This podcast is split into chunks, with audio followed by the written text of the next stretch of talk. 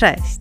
Nazywam się Aleksandra Inszewska-Cardone i zawodowo zajmuję się historią sztuki. W podcaście dzielę się moją wiedzą o sztuce dawnej, zwłaszcza tej powstałej w Niderlandach, czyli dzisiejszej Belgii i Holandii. Otulina o sztuce to również okazja, by zatrzymać się w codziennym biegu i wsłuchać w opowieść dającą wytchnienie. A jeśli podoba Ci się ten podcast, możesz go wesprzeć za pośrednictwem serwisu Patronite, wpisując tam Otulina o sztuce.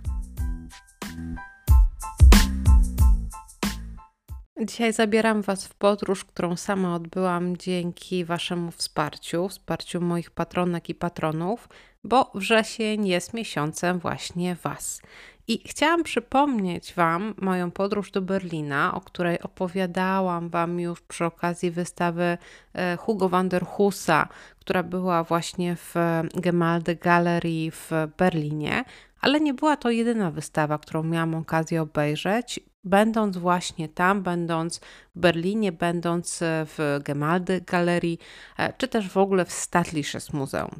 A wystawa, która zachwyciła mnie i o której dzisiaj Wam opowiem, była wystawą, która mnie też zaskoczyła, ponieważ w ogóle nie wiedziałam, że ona tam jest poszłam trochę z obowiązku, bo kiedy gdzieś jestem i mam czas, staram się zobaczyć wszystkie wystawy. I właśnie tak było z wystawą, która w tłumaczeniu na język polski nazywa się Muza czy Maestra Kobiety w świecie sztuki włoskiej 1400-1800. Dlaczego bym ją przegapiła? Pewnie dlatego, że nie była jakoś specjalnie rozreklamowana. Widziałam tylko małe banery i takie informacje na schodach. Wystawa, chociaż ten tytuł obiecuje bardzo wiele, była przygotowana przez gabinet Recin. I oczywiście nie mam tutaj na myśli, że ryciny są czymś gorszym od malarstwa, ale prawdą jest, że przyciągają mniejszą publiczność ze względu na to, że są niejako trudniejsze w odbiorze. Trzeba się mocniej skupić, mocniej w nie wczytać i w związku z tym te wystawy są koneserskie i są często trudniejsze w rozpromowaniu. To jest taka moja trochę na marginesie obserwacja. Dla mnie jednak ta wystawa była fascynującą przygodą i to na kilku poziomach. Po pierwsze, byłam pełna podziwu dla pracowniczek i pracowników gabinetu Rycin w berlińskim muzeum, ponieważ przygotowali wystawę jedynie ze swoich własnych zbiorów i to zbiorów graficznych, gdzie niejako czasem z zapomnienia wydobyli prace związane z kobietami tworzącymi we Włoszech, właśnie w tym zakresie czasowym, czyli od XV do e, początku XIX wieku. Wystawa była opatrzona licznymi tekstami wprowadzającymi w samo zagadnienie, ale też opowiadającymi trochę pośrednio o trudach pracy nad zagadnieniem malarek właśnie w tym czasie renesansu i baroku, ponieważ często po pierwsze są one zapomniane, po drugie nie podpisywały tak często swoich prac i ta wystawa ewidentnie uświadomiła mi, jak dużą pracę musiały wykonać osoby, które ją opracowywały i przygotowywały. I obok tego mojego podziwu dla pracowników e, muzeum, którzy wydobyli właśnie z tych własnych zbiorów tą grupę i bardzo ciekawie ją opracowali, jest mój drugi podziw, e, to znaczy opowieść. Tak jak ona była skonstruowana, była to niewielka wystawa, ale bardzo bogata w tropy, bardzo bogata w, można powiedzieć, takie kapsułki tematyczne, które pozwalały zorientować się w tym, jaka była sytuacja kobiet artystek, kobiet w świecie sztuki. Tutaj akurat w przypadku Włoch, ale myślę, że tak e, w wyobraźni można to rozpisać również na pozostałe kraje europejskie, w których sztuka była rozwinięta i w której mm, ten biznes sztuki, bo o tym też musimy pamiętać, był wysoko rozwinięty. Myślę, że tutaj, jak już słuchacie mnie od jakiegoś czasu, to macie tą świadomość, że artyści ci nowożytni, czyli czy renesansowi, czy barokowi, bo tutaj te akurat postaci będą nam się najbardziej przewijały, to nie byli ci artyści, jak dzisiaj o nich myślimy, którzy tworzyli z potrzeby serca, dla własnej niejako przyjemności, dla własnego wyrazu, jakichś wewnętrznych przemyśleń. Artyści czasów nowożytnych, no i również późniejsi, byli twórcami, ale w takim rozumieniu również rzemieślniczym, również przedsiębiorczym. To był zawód i zawód, który wymagał wszystkich tych elementów, które wiążą się z byciem przedsiębiorcą. Trzeba było mieć dobre kontakty, trzeba było mieć dobrą renomę, e, można powiedzieć, trzeba było zaistnieć. Oczywiście tak samo jest teraz w świecie sztuki i to akurat jest wspólne artystom, że aby zaistnieć trzeba mieć e, sieć różnych znajomości i powiązań. I to samo tyczyło się artystów czy artystek w wiekach dawnych. I właśnie na tym tle bardzo interesująco zarysowują się takie kapsułki, bym powiedziała, bo to tam na tej wystawie nie było działów, były raczej opowieści poprowadzone poprzez postaci artystek wydobytych z, z tych zbiorów. Często też e, na przykład nie były zachowane prace mm, artystek, ale ponieważ one wchodziły też w związki z kolegami po fachu, to na przykład niektóre z nich mm, były odnajdywane na pracach swoich mężów, na, czy to na rysunkach, czy właśnie jako modelki. I e, to też był ciekawy bardzo element tej wystawy w Berlinie, że kiedy y, był podpis, y, tam było nazwisko właśnie kobiety i pod spodem określona była często taka wieloaspektowa jej rola, czyli na przykład rytowniczka, czy malarka, rysowniczka, ale również e, modelka, jeśli akurat właśnie w ten sposób była e, przedstawiona w ramach tej wystawy. Dlatego właśnie takie punkty wprowadzające były elementem podsumowującym tą sytuację, w której znajdowały się prezentowane kobiety i dawały do myślenia, jeżeli chodzi o tą rzeczywistość nowożytną. Pierwsza rzecz chyba, o której możemy tutaj pomyśleć i o której też sporo opowiadam Wam w tym podcaście, to kwestia wykształcenia, ponieważ wykształcenie było najważniejszym punktem startowym, czy to dla artystów, czy w tym wypadku też dla artystek przecież, ponieważ ono nie tylko uczyło fachu, ale również sprawiało, że można było wejść w taką korzystną sieć e, powiązań, często biznesowych, praca w warsztacie u konkretnego mistrza też dawała większą rozpoznawalność. Poza tym później można też było zdobywać inne zamówienia, nie wspominając o tym, że po wykształceniu, po tym okresie terminowania, e, no, przynależność do gildii malarskiej, do cechu malarskiego oznaczała e, również możliwość samodzielnego tworzenia. I to też z różnym e, skutkiem było dostępne kobietom. To, co było na wystawie opowiedziane, to właśnie ten element wykształcenia związany z nauką na akademii, czyli już e, nawet nie tyle w warsztacie w tym wypadku, co w takiej szkole artystycznej. I co najmniej od XIV wieku, jak opowiadają o tym twórcy wystawy, kobiety odgrywały aktywną rolę we włoskim świecie sztuki. Pierwsza Akademia Sztuki, która powstała w Europie, e, powstała we Florencji w 1563 roku. To była Akademia del Disegno. I tam właśnie jako pierwsza kobieta została przyjęta Artemisia Gentileschi, no i to było w 1616 roku, czyli no, kawałek po tym, jak Akademia powstała. Podobna sytuacja ma miejsce w Rzymie, gdzie w 1577 roku powstała Akademia di San Luca i tam kobiety były przyjmowane troszeczkę wcześniej, od 1607 roku. I tam też wiele z tych artystek, które ukazane prace były na wystawie, właśnie tam też się e, kształciło. Jedną z takich e, ciekawych postaci była Elisabetta Sirani, która założyła później, kiedy już osiągnęła taką autonomię, samodzielność artystyczną, założyła w Bolonii własną szkołę, własną akademię rysunku przeznaczoną tylko dla kobiet. No to też myślę taki ciekawy rys tutaj w tej całej opowieści.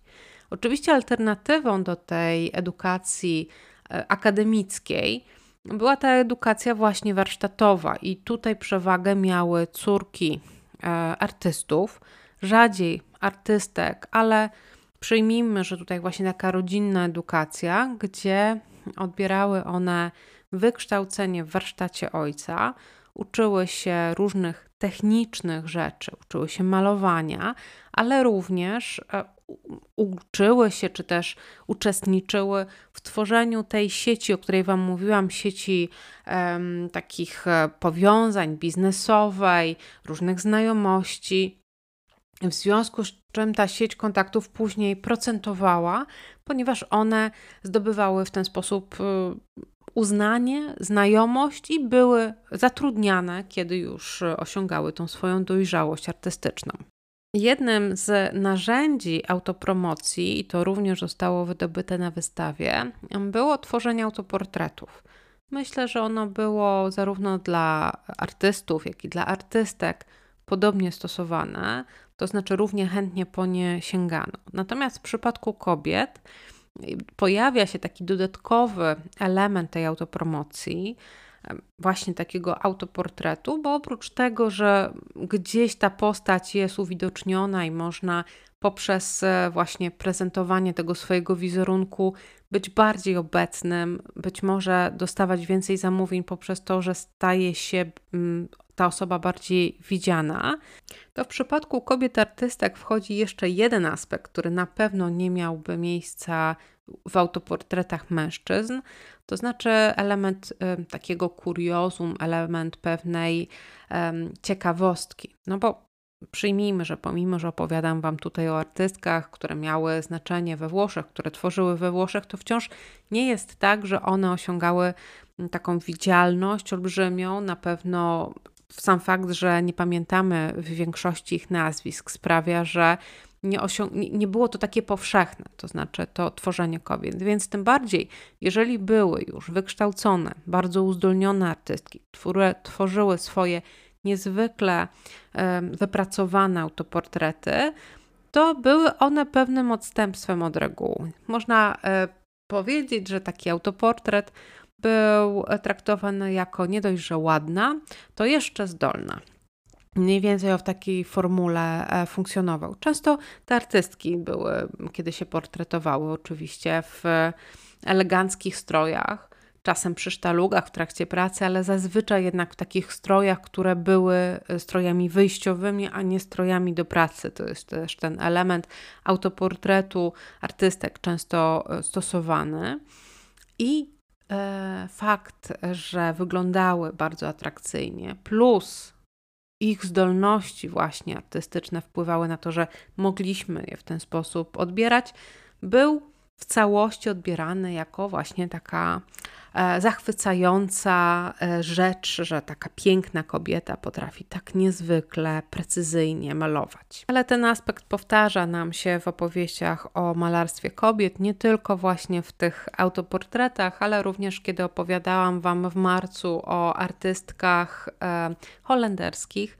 Również w ich biografiach był ten element, że kobieta, a potrafi tak precyzyjnie malować, potrafi tak niezwykle oddawać w tym wypadku na przykład rośliny czy, czy zwierzęta, które były na ich um, obrazach. W związku z czym tutaj cały czas, jeżeli chodzi o obecność kobiet w świecie sztuki, to raczej na zasadzie wyjątku, a nie e, jakiejś przyjętej reguły. I na pewno w takim znormalizowaniu obecności kobiet pośród twórców e, nie pomagał pewien topos, czyli pewien taki wzór czy taki schemat myślenia, jaki chcąc czy też nie chcąc zapoczątkował Boccaccio w swoim utworze o sławnych kobietach, gdzie opisuje antyczną malarkę Marcię, która jest prawdopodobnie e, wzorowana na jeszcze innej artystce, która miała żyć e, w I wieku przed naszą erą. I tam Boccaccio, opisując ją, bardzo podkreśla, że była ona dziewicą i że właśnie to dziewictwo sprawiło, że mogła osiągnąć najwyższą formę swojego talentu i że osiągnęła najwyższy poziom kunsztu. To oczywiście sprawiło, że myślenie o kobietach artystkach e, rozdzielało tą sferę ich działalności zawodowej od tej sfery życiowej, od sfery fizycznej. i na pewno nie, nie ułatwiało im życia. Natomiast e, w drugą stronę zadziałało tak, że niektóre artystki, o których na pewno słyszeliście, czyli na przykład Sofonisba Anguissola czy Lavinia Fontana, w niektórych swoich pracach podpisywały się jako Virgo, czyli właśnie jako dziewica. I to głównie ten model myślenia o artystkach był obecny w renesansie. Sofonisba Anguissola jest też jedyną malarką, której praca jest pokazana na wystawie portret ukazujący jej matkę, który pochodzi z kolekcji Gemalde Gallery. Sofonisba była artystką bardzo uznaną w swoim czasie. Pracowała przez szereg lat na dworze hiszpańskim jako portrecistka. Pochodziła co prawda z Cremony, natomiast właśnie w Hiszpanii spędziła prawie 20 lat e, swojego życia. Natomiast e, po ślubie powróciła do Włoch. Była głównie aktywna na Sycylii, w Genui, więc ta jej kariera bardzo długo była aktywna również właśnie po ślubie, bo zdarzało się często, że artystki, które wychodziły za mąż, rezygnowały z tego swojego fachu i nie kontynuowały dalej swojej pracy. Pewnie wiązało się to z różnymi elementami, również tym, że musiały skupić się na pracach domowych, rodzeniu dzieci, chociaż znowu, jak pamiętacie pewnie z tego cyklu marcowego, Niektóre artystki radziły sobie z tym, zarabiając wystarczająco dużo, ażeby móc opłacić opiekunki. Na włoskim gruncie jedną z takich niezwykłych kobiet, oczywiście obok Artemizji Gentileski, była Elizabeta Sirani, która żyła zaledwie 27 lat, a osiągnęła niezwykle wysoki status, oczywiście jak na kobietę, ale myślę, że i pośród mężczyzn jej osiągnięcia robiłyby wrażenie. W wieku zaledwie 22 lat została profesorką na Akademii di San Luca w Rzymie, czyli tej Akademii Artystycznej. Mniej więcej też w tym samym czasie przejęła warsztat artystyczny w Bolonii po swoim ojcu.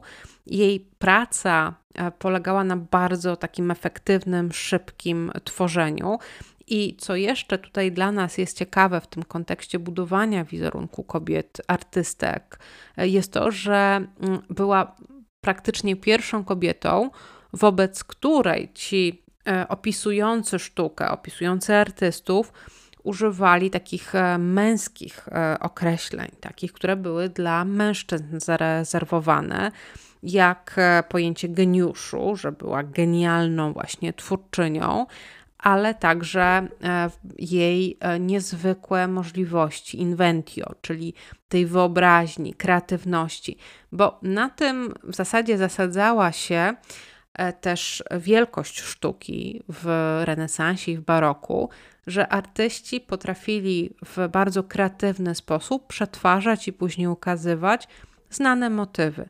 Najczęściej były to te motywy, które już funkcjonowały od dziesięcioleci religijne tematy, tematy mitologiczne, często wywodzące się z literatury antycznej, które były źródłem inspiracji dla wielu pokoleń artystów. W związku z czym wymagano znajomości i tej historii, tych wzorców, które do tej pory funkcjonowały, i również ich twórczego przekształcania. I tutaj, jeżeli chodzi o Elizabetę Sirani, to jej zdolności zostały właśnie w ten sposób uznane e, przez krytyków. Jak Wam wspominałam na początku, ona też w Bolonii ufundowała, no, założyła pierwszą akademię dla kobiet i najpierw e, tam uczyła swoje dwie młodsze siostry, ale również e, tam były przyjmowane inne artystki. Tak jak Wam powiedziałam, wszystkie te niezwykłe osiągnięcia były jej udziałem można powiedzieć, zaledwie w, w ciągu pięciu lat, ponieważ zmarła w wieku 27. A jako ciekawostkę i trochę taką autopromocję mogę Wam podpowiedzieć, że jedno dzieło Elizabety Sirani jest prezentowane na Galerii Sztuki Dawnej w Muzeum Narodowym w Warszawie. Możecie go poszukać na drugim piętrze i dać mi znać, co o nim sądzicie. Kolejną artystką, która osiągnęła wysoki status materialny dzięki swojej pracy, była Lavinia Fontana, która ukończyła również takie studia na Akademii w Bolonii i była również szkolona w warsztacie swojego ojca, czyli mamy tutaj takie połączenie tych dwóch elementów wykształcenia. Poślubiła, może trochę nietypowo, bo nie malarza, jak Wam wspominałam, ale syna bogatego kupca. Tutaj myślę, że to też bardzo pomogło budżetowi rodzinnemu. I e, miała z nim 11 dzieci. Jednak w jej przypadku nie wpłynęło to na zaburzenie jej kariery. Tutaj właśnie też, jak Wam podpowiadam, że prawdopodobnie miała środki na to, żeby te dzieci były zaopiekowane podczas jej pracy. Ale co więcej, tutaj jest też opowieść o jej mężu, który wedle przekazów przynajmniej, no bo nie mamy tutaj wglądu w tą rzeczywistość, natomiast on jest opisywany jako ten, który nie tylko wspierał ją w taki sposób y, praktyczny czy też biznesowy, bo prowadził biznesy związane z jej warsztatem, czy mm, prawdopodobnie też ją reprezentował w jakiś finansowy sposób, ale również przyjmuje się, że zarządzał e, domostwem, że on jakby je prowadził. Czyli no bez tego wsparcia na pewno ona miałaby dużo mniej czasu i możliwości, ażeby swoją karierę kontynuować. Wszystkie te historie, które teraz Wam opowiadam, dają mi taką refleksję w głowie, że nic się nie zmienia, jeżeli chodzi o uwarunkowania, o takie warunki brzegowe, żeby móc osiągnąć w czymś sukces, że Trzeba mieć wsparcie otoczenia, trzeba mieć też dobrą pozycję startową, albo bardzo ciężko pracować i też mieć trochę szczęścia, że bardzo ciężko osiągnąć jakikolwiek sukces, będąc takim samotnym strzelcem, samotnym żaglem, e, jak to zwykło się mówić.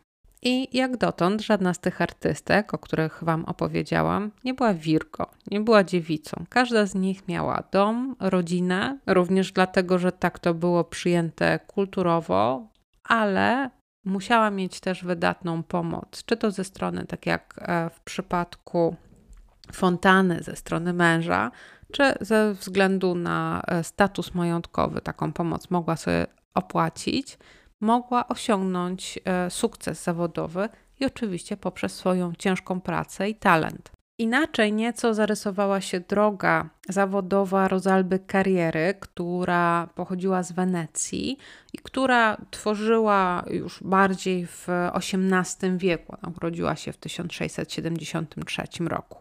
Z kolei ona nigdy nie wyszła za mąż, natomiast osiągnęła niezwykły poziom zawodowy, niezwykłe uznanie. Zaczynała jako twórczyni koronek, razem ze swoją matką i siostrami. Natomiast na pewnym etapie zdecydowała o przerzuceniu się na inną formę działalności.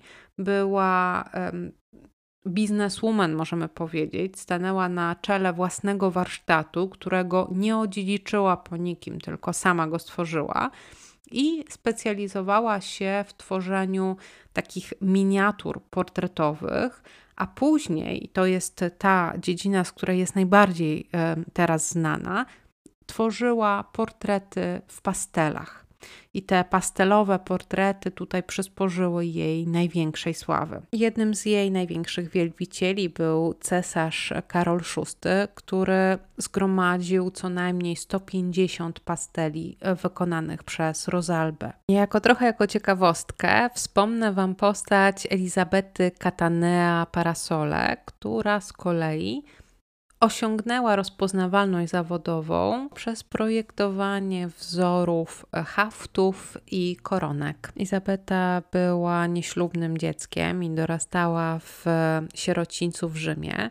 I tam właśnie nauczyła się tej techniki tworzenia koronek, tworzenia haftów jako podstawowego źródła dochodu później jej w samodzielnym życiu, bo w tych sierocińcach często uczono właśnie takich różnych e, zawodowych umiejętności, które miały pozwolić kobietom później utrzymać się w dorosłym życiu. Natomiast kiedy poślubiła swojego męża, Rosato Parasole, weszła w krąg nowej twórczości dla, dla niej, ponieważ e, jego rodzina przez e, pokolenia prowadziła przemysł drukarski i Elizabeta nauczyła się tworzyć e, drzeworyty, wytwarzać takie klocki drzeworytnicze.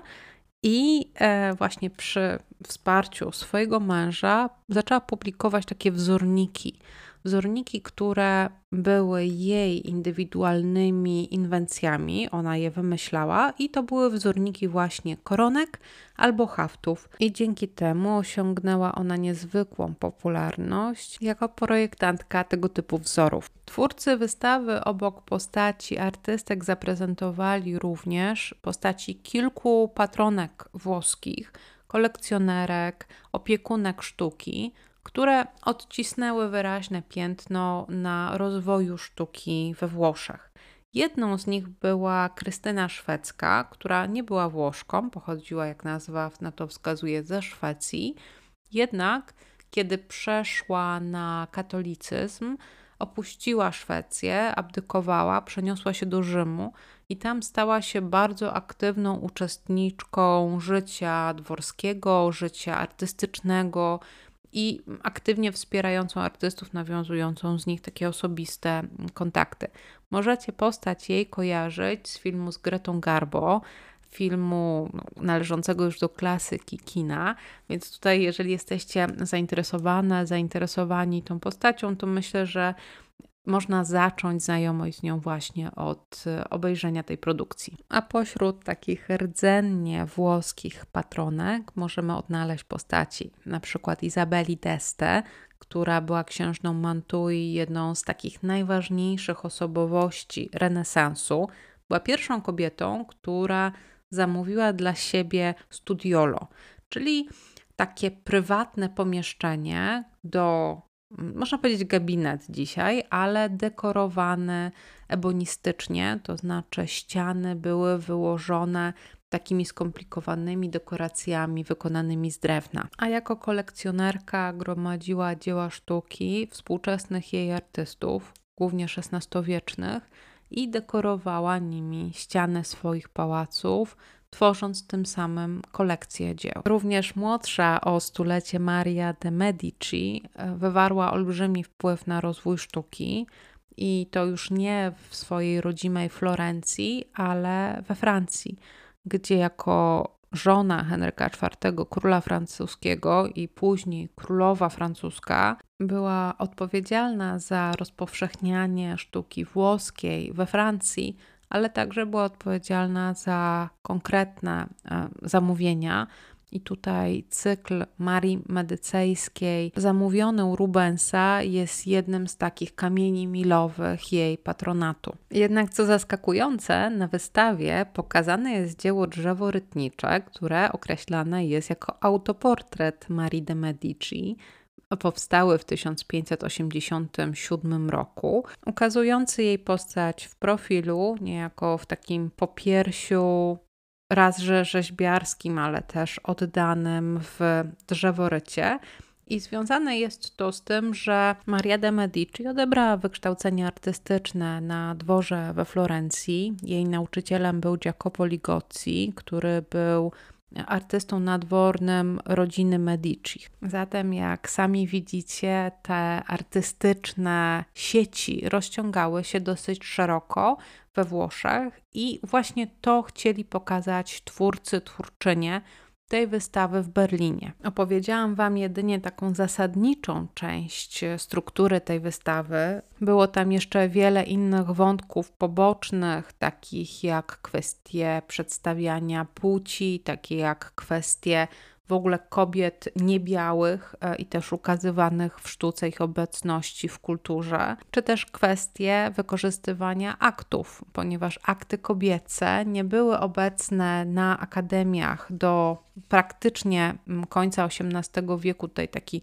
pierwszy udokumentowany fakt e, posiadania modelki, która pozowała w akademii, to właśnie jest na Akademii w Paryżu w 1759 roku. W związku z czym, jeżeli oglądamy akty kobiece w sztuce wcześniejszej, to one były wzorowane na aktach męskich i często to też może nam tłumaczyć, dlaczego niektóre postaci kobiet w sztuce są takie mocno zbudowane o takich męskich e, proporcjach, a nie proporcjach kobiecych. ale myślę, że to jest temat w ogóle do rozwinięcia, to kształcenie na akademii, kwestia męskie, żeńskie, jak to wyglądało na akademiach i nie tylko, do rozwinięcia osobno. Podsumowując, dzięki temu, że miałam wsparcie moich patronek i patronów, byłam w Berlinie i miałam trochę czasu więcej, ażeby przyjrzeć się temu, co oferuje muzeum w Berlinie. Mogłam obejrzeć tą wystawę, o której dzisiaj Wam opowiedziałam, poszerzyć naprawdę znacząco moją wiedzę o sztuce włoskiej i rozbudować sobie mm, wyobraźnię, jeżeli chodzi o tą pozycję kobiet, ich możliwości, które muszę przyznać, że dla mnie teraz one się jawią jako trochę bardziej elastyczne niż e, mi się wydawało. Oczywiście z zachowaniem wszelkich proporcji, bo wciąż Większość nazwisk, które były na tej wystawie i których Wam tutaj nie przywoływałam, też trochę ze względu na to, że ciężko się słucha o osobach, o których e, po prostu no, nie znamy ich twórczości, pracy, więc te nazwiska pewnie by Wam też e, uleciały. Natomiast obiecuję, że postaram się w tych materiałach, które będę publikowała na e, swoich stronach, czy to na Facebooku, czy na Instagramie, przywoływać te postaci, które jeszcze były obecne na wystawie. Jednak faktem jest, że nasza dzisiaj nieznajomość ich nazwisk wynika z tego, że nie uzyskały one tej sławy, co chociażby Wielka Trójca, czyli Leonardo da Vinci, Michał Anioł i Rafael – i nawet te, o których Wam dzisiaj opowiedziałam, których nazwiska są już dzisiaj bardziej osłuchane, może poza Artemizją Gentileski wciąż pozostają znajome jedynie dla wąskiej grupy odbiorców. To tyle dzisiaj ode mnie. Życzę Wam spokojnego weekendu i całej reszty przyszłego tygodnia.